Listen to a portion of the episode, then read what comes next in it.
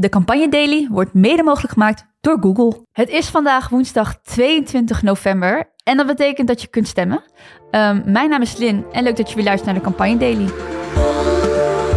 Dat is denk ik wel tezamen een verklaring voor die enorme stijging opeens en, in de en. Mona, toch? Mona Keizers. Dat was ook echt een fout geweest van Ja. Monte Tokyo. Eindelijk het feest der democratie is hier. Eh, ongeacht eh, wat we in deze aflevering eh, gaan zeggen, wel hele belangrijke dingen, maar alsnog wil ik vooral dat je onthoudt dat je vandaag moet gaan stemmen. Eh, de stembussen zijn tot eh 9 uur geopend, dus er zijn geen smoesjes te verzinnen. Behalve als je fascistisch wilt gaan stemmen. Dan, eh, Dan kan je lekker thuis blijven. Dat is al duidelijk eh, onze gast Johan Frets. Ik zit hier vandaag weer met twee mensen tegenover me. Isabelle Rader, een van de partners van BKB. Welkom Isabel. Hallo Lin. Leuk dat je erbij zit. En links van me, je hoorde hem al net een beetje, Johan Frets. Goedemiddag Johan. goedemiddag. Leuk dat ik er mag zijn. Heel leuk dat je er bent. Eh, Johan is schrijver, columnist en podcastmaker van Waanzinnig Land. Eh, jullie hebben het vast gekeken, het NOS Slotdebat. Wat is jullie het meest bijgebleven? Nou, sowieso dat het veel levendiger was dan normaal. Normaal is dat slotdebat eigenlijk een beetje dan... dan is het een beetje zoals een voetbalwedstrijd waar je gewoon... De score staat vast en je speelt hem een beetje uit. En nu staat er nog zoveel op het spel... dat je ook zag dat mensen wat meer risico durfden te nemen. Dat mensen nog echt even hun moment pakten om moreel te normeren... om, om contrast te maken. En bij wie Eh, zag je dat goed? Nou ja, ik vond dus het wel het beste debat van Timmermans eigenlijk. Omdat ik het gevoel had dat... Kijk, hij is natuurlijk die hele campagne ingesnoerd. Wat echt een heel domme keuze is, vind ik.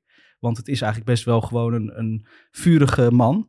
En dat, eh, wat hij zelf aan het begin van zijn campagne ook zei... is van ik ben een emotioneel mens. En ja, dat, dat heeft zijn goede kanten en zijn minder goede kanten. Maar ik heb liever een emotioneel mens... dan iemand die ik helemaal ingesnoerd zie. En heel veel linkse kiezers met mij natuurlijk. En je zag dat het er nu uitkwam bij Tijd en Weilen. Eh, dus dan is de vraag laat hij zich niet meer insnoeren? Of eh, heeft het campagneteam zelf ook wel ingezien dat dat vuur nu nodig is? En in het tweede geval voelt het natuurlijk alsnog een beetje cynisch. Van En een little, reactief. ja, too little, too late. Maar ja, ik zag, ja, god, ik, ik ben heel associatief, hè, dus ik kap me vooral af. Maar bijvoorbeeld afgelopen zondag zag ik een filmpje van hem van in, in Haarlem, waar hij ontzettend vurig voor transrechten opkomt. En dan denk ik, ja, dat is heel veel Gen Z-kiezers die echt wel, misschien bij één of Partij voor de Dieren, als je die vanaf het begin had laten zien, die waren dan nu niet eens reluctant of twijfelend naar de stembus gegaan, maar gewoon met liefde, met enthousiasme. En het feit dat je dat pas ter elfde uren op de tafel legt, vind ik eh, opvallend. Eh, en ik ben er wel blij mee, want ik zie dat daar zie ik iemand in wie ik ook eh, geloof. Maar ik vind het wel laat.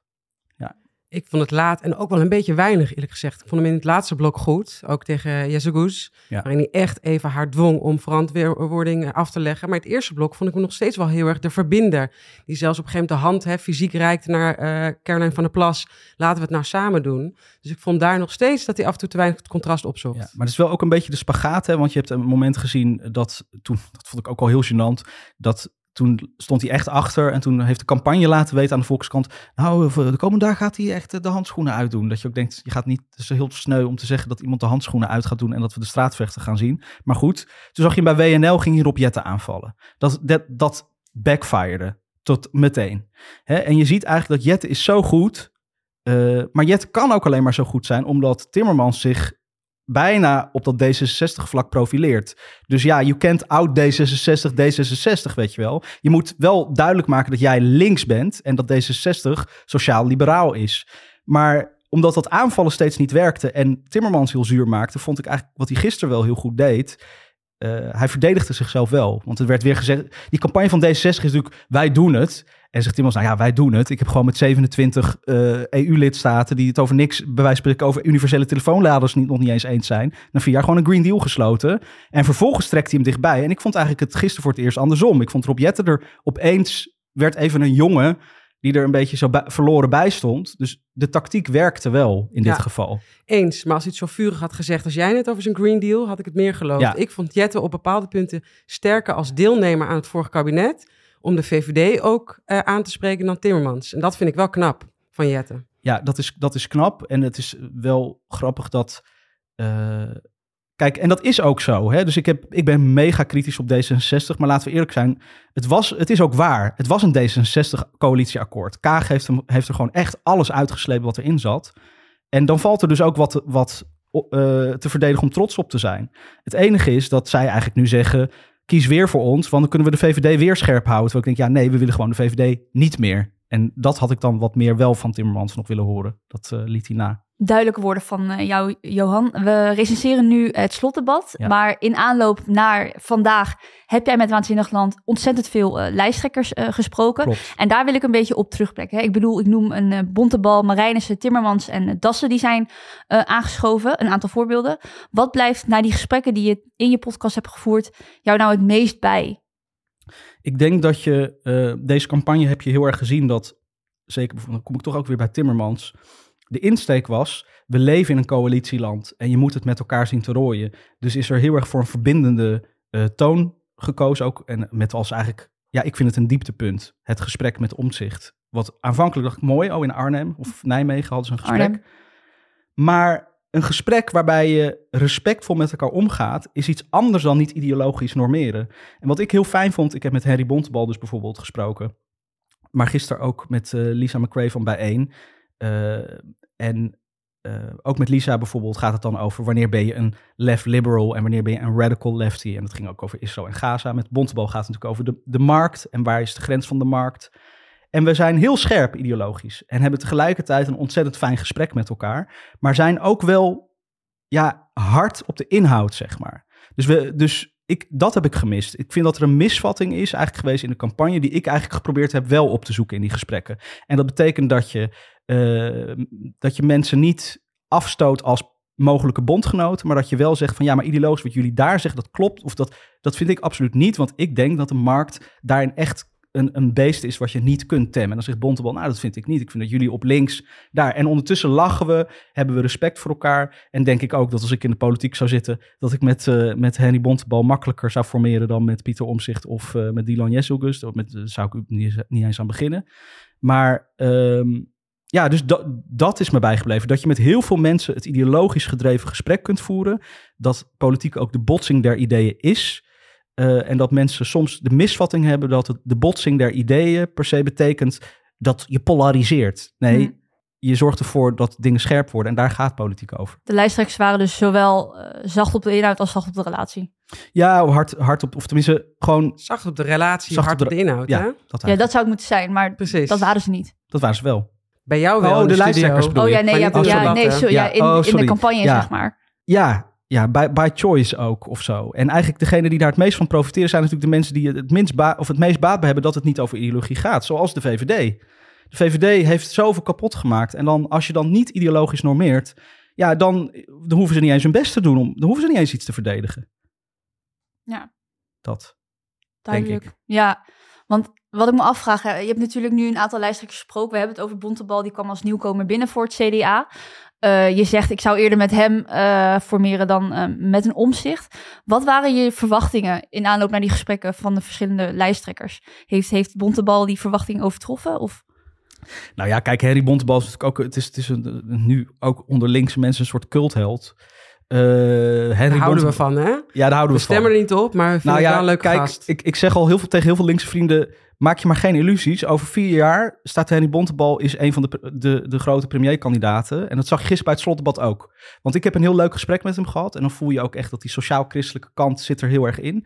Maar gisteren zag ik echt ook gewoon... Het is, blijft een centrumrechtse partij.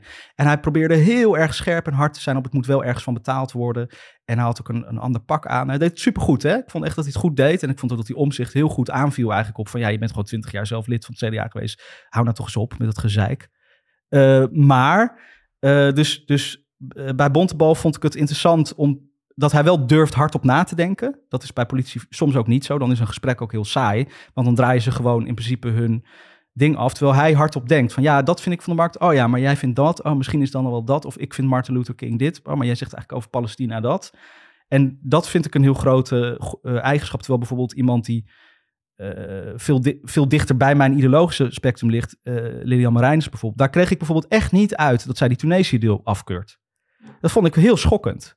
En daar voelde ik gewoon heel erg gewoon de line van de white working class voter van de SP, die migratie een probleem vindt. Die, ik, die, ze durfde niet gewoon vanuit haar moraliteit te normeren.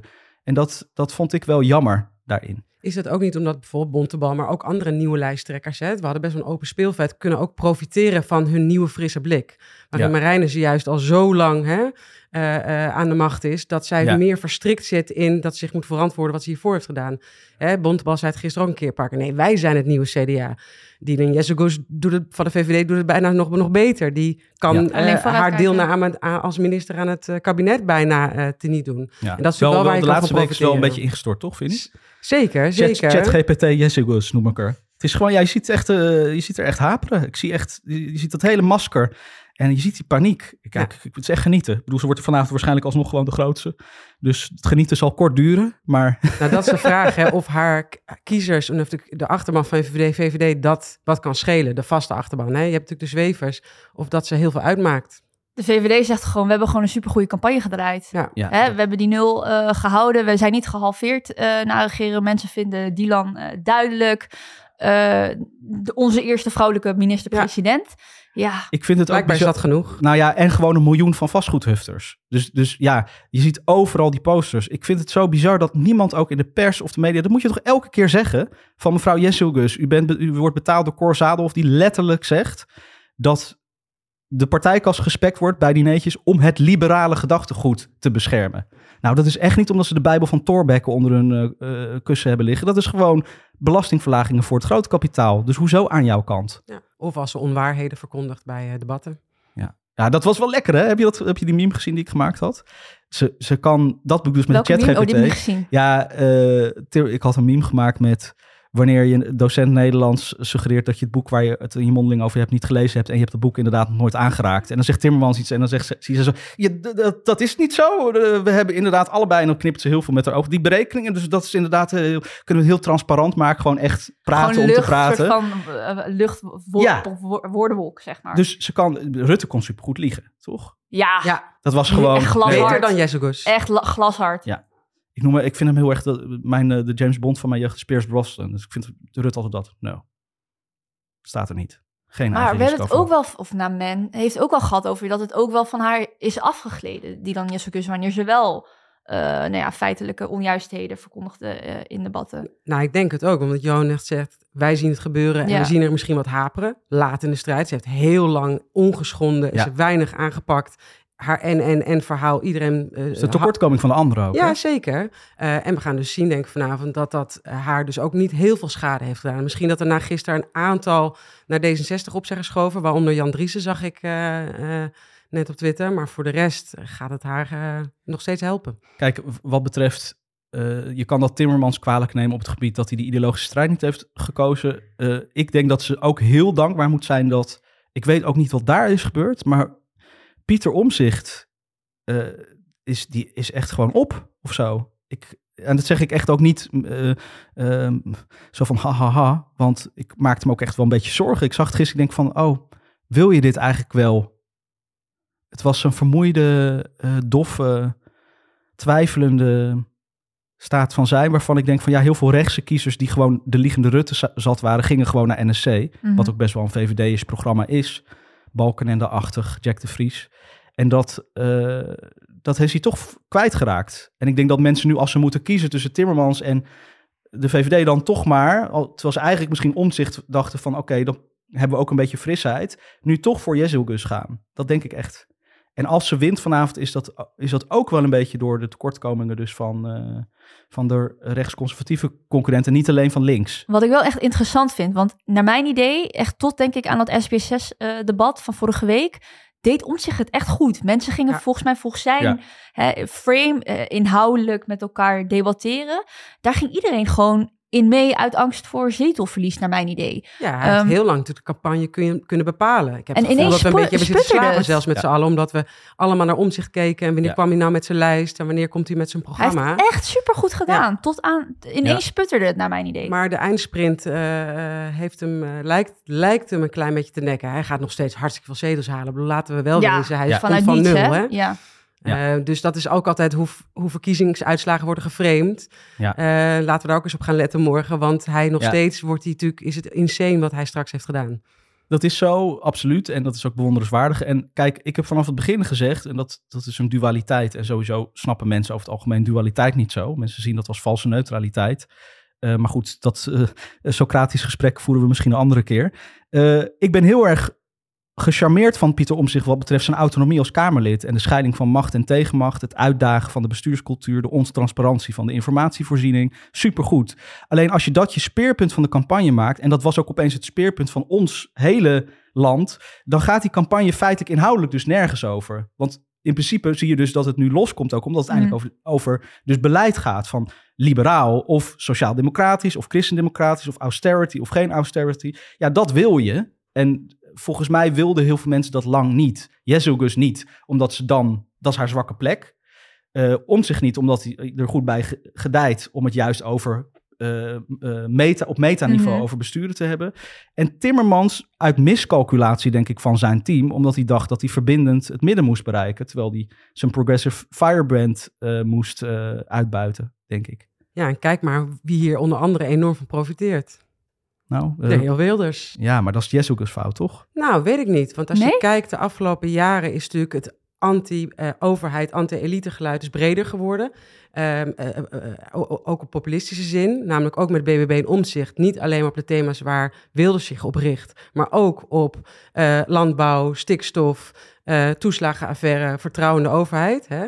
En als je dan nu ziet dat zowel Caroline van der Plas als omzicht een beetje aan het wankelen zijn in die laatste periode, denk ik zeker dat mensen, vooral doordat Dylan Jezegus de deur open heeft gezet voor Wilders, dat mensen denken, hey, uh, Van der Plas en Omzicht wankelen een beetje. Ja, misschien is Wilders dan toch eigenlijk een soort van stabiele keuze. Want die doet het al jaren. Dus ik denk, ja, mijn gevoel is dat doordat het populisme breder is geworden de afgelopen ja. jaren, dat daar Wilders daar nu ook wel voor een deel ik, van kan profiteren. Ja, ik, ik heb het idee dat, dat er twee dingen daarin zijn. Eén is wat mij ontzettend verbaasde, was een nieuwsuurmoment. Kijk, ik vind Geert Wilders helemaal niet milder geworden. Ik mm. deelde op een gegeven moment een fragment wat ik echt classic vond. Volgens mij wordt hij door Martin Bosma enorm geprept om dan milder te klinken. En hij zei op een gegeven moment over de islam, zei hij... en wij importeren, er zijn mensen die immigreren uit die landen hierheen. He, dus je zag echt zo van, oh, normaal zeg ik wij importeren... maar dat is toch een beetje nazistische taal, dus dat, dat doen we nu deze keer niet. Dus moet ik mezelf verbeteren.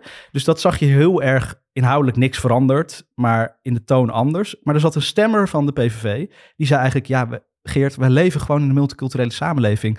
En wij in onze wijk ook, wij vogelen het gewoon met elkaar uit. Dus eigenlijk zo van, kun je daar nou eens een keertje over ophouden en gewoon die andere dingen wat meer uh, doen. En ik denk dat mensen, dat er dus best wel wat PVV-kiezers zijn die niet dat racisme echt belemmerend vinden. Wat ik eigenlijk zou hopen dat dat je gewoon je morele ondergrens is, maar oké.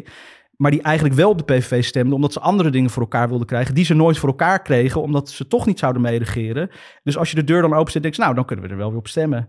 Precies, het is ook een combinatie. Ja. Ik denk dat uh, Wilders heeft geprofiteerd van een soort perfect storm van combinaties. Ook uh, uh, de verschrikkingen in Israël. Het zijn allemaal externe events die hem hebben geholpen. De deur die uh, Jezus wagenwijd heeft opengezet, zijn, want hij heeft verder weinig campagne gevoerd. Hè? Hij doet het supergoed bij de debatten.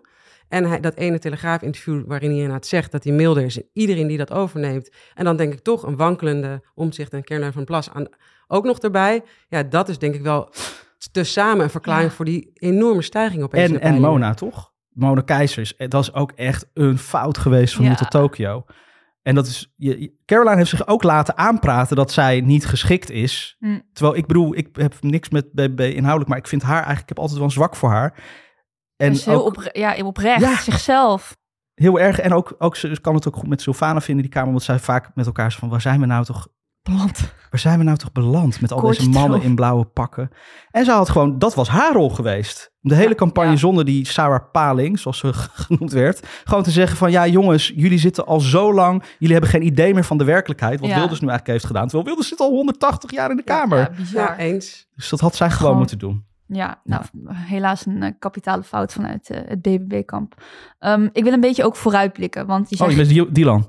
Ik wil vooruitblikken. Ik wil niet achterom kijken. Ik wil niet terugkijken. Het is klaar. Bij deze open ik een venster naar de toekomst. We gaan vooruitkijken. Wat er gisteren is gebeurd, ik heb geen idee. Maar wat gisteren wel is gebeurd, is dat jij gisteren zei, um, en dan parafraseer ik wel, dus corrigeer me. Uh, ik hoop dat ik morgen wakker word met linkskamerleden over de breedte van politieke partijen in de Tweede Kamer. Maar in de peilingen gaan echt toch met name rechts- en rechtsconservatieve partijen aan kop. We worden morgen toch gewoon wakker in een rechts- en conservatief land. Nou ja, dat, we, de, daar, daar worden we al elke dag in wakker, al heel ja. lang. En ik denk dat, uh, kijk, de, de, eh, dat, dan kom je toch weer terug bij Rutte versus Jesselgus. Jesselgus is ongelooflijk goed in zeg maar, het spel van de media. Dat is echt Ja, een megatalent. pro. En daarin is ze misschien zelfs wel nog getalenteerder dan Rutte. En daarin kan je het lang voor. Maar Rutte heeft daarnaast ook een ongelooflijk goed afgesteld politiek strategisch kompas. Echt een killer is het. Hij maakt je gewoon af. Ook, ja, dus bedoel ik niet eh, fysiek, maar hij weet gewoon precies ook hoe het spel strategisch in die laag daaronder. En daarin is zij helemaal niet zo goed. Ze kan supergoed geprept worden, maar Geert is veel uitgenaster en Timmermans eigenlijk ook. Dus je ziet nu dat, dat de reden waarom we dus nu die dijkdoorbraak krijgen en de PVV, wat eigenlijk al jaren zo was, alleen Rutte kapselde dat gewoon precies in op de manier met die tweeslag. Dus eh, uitsluiten, kopiëren, dichtbij houden. Het was een soort tango die hij gewoon perfect beheerste. Mm, En dat kan zij niet. En nu zie je dat het dus zichtbaar wordt. En ik denk ergens ook, laat het maar zichtbaar worden. ja. Want we leven er toch al in. Eh, en, Ja, dus jij zegt we worden wel wakker in hetzelfde land, maar stel, laat ze het maar doen met elkaar, dan zal blijken dat het, ja, en dat dat het bedoel- sneller kapot gaat en sneller. Nou, mensen maar zeggen, dat- worden daar ook heel boos van. Dus die zeggen dan van, wil je dan dat we een fascistisch, eh, eh, semi-fascistisch, dan wel volledig fascistisch regime krijgen? En weet je wat voor schade dat aanricht? Ik zeg, ja, nou nee. Maar ik weet ook dat als wij, zeg maar, maar weer, zoals de PvdA heel vaak gedaan heeft, onze verantwoordelijkheid nemen en dan eigenlijk gewoon aansluiten bij neoliberaal sloopbeleid, dat ons nog verder uitholt. Terwijl de voorbeelden die ik heb van het LPF-kabinet, naar, naar Fortuyn met Balkenende, dat was na 87 dagen puinhopen weg. Toen heeft Wouter Bos 42 zetels gehaald. Eh 2010, eh gedoogkabinet met de PVV. Toen heeft Cohen net niet gewonnen van Rutte met 31 zetels. De SP steeg, eh, of nee, dat was daarvoor. Dus nee, Samson heeft toen 38 zetels gehaald. Li- li- links in 2006 ook, na Balkenende, de centrumrechtse regering, stond links op een virtuele kamermeerderheid. Ik, ik denk niet dat dat het spel is wat je moet spelen. Je moet altijd proberen te winnen. Dus ik zou ook iedereen die twijfelt over GroenLinks PvdA aanraden. Als, je, als dat toch al je leen is, maar je twijfelt. Ja, stem er dan maar wel op. Of als je een linkse D66er bent. Maar als je voor bijeen bent, of voor de Partij voor de Dieren... en voor het radicale linkse geluid... ja, laat je dan ook niet gaslighten in ervoor stemmen. Want dan heb je een andere rol in dit eh, hele eh, spel.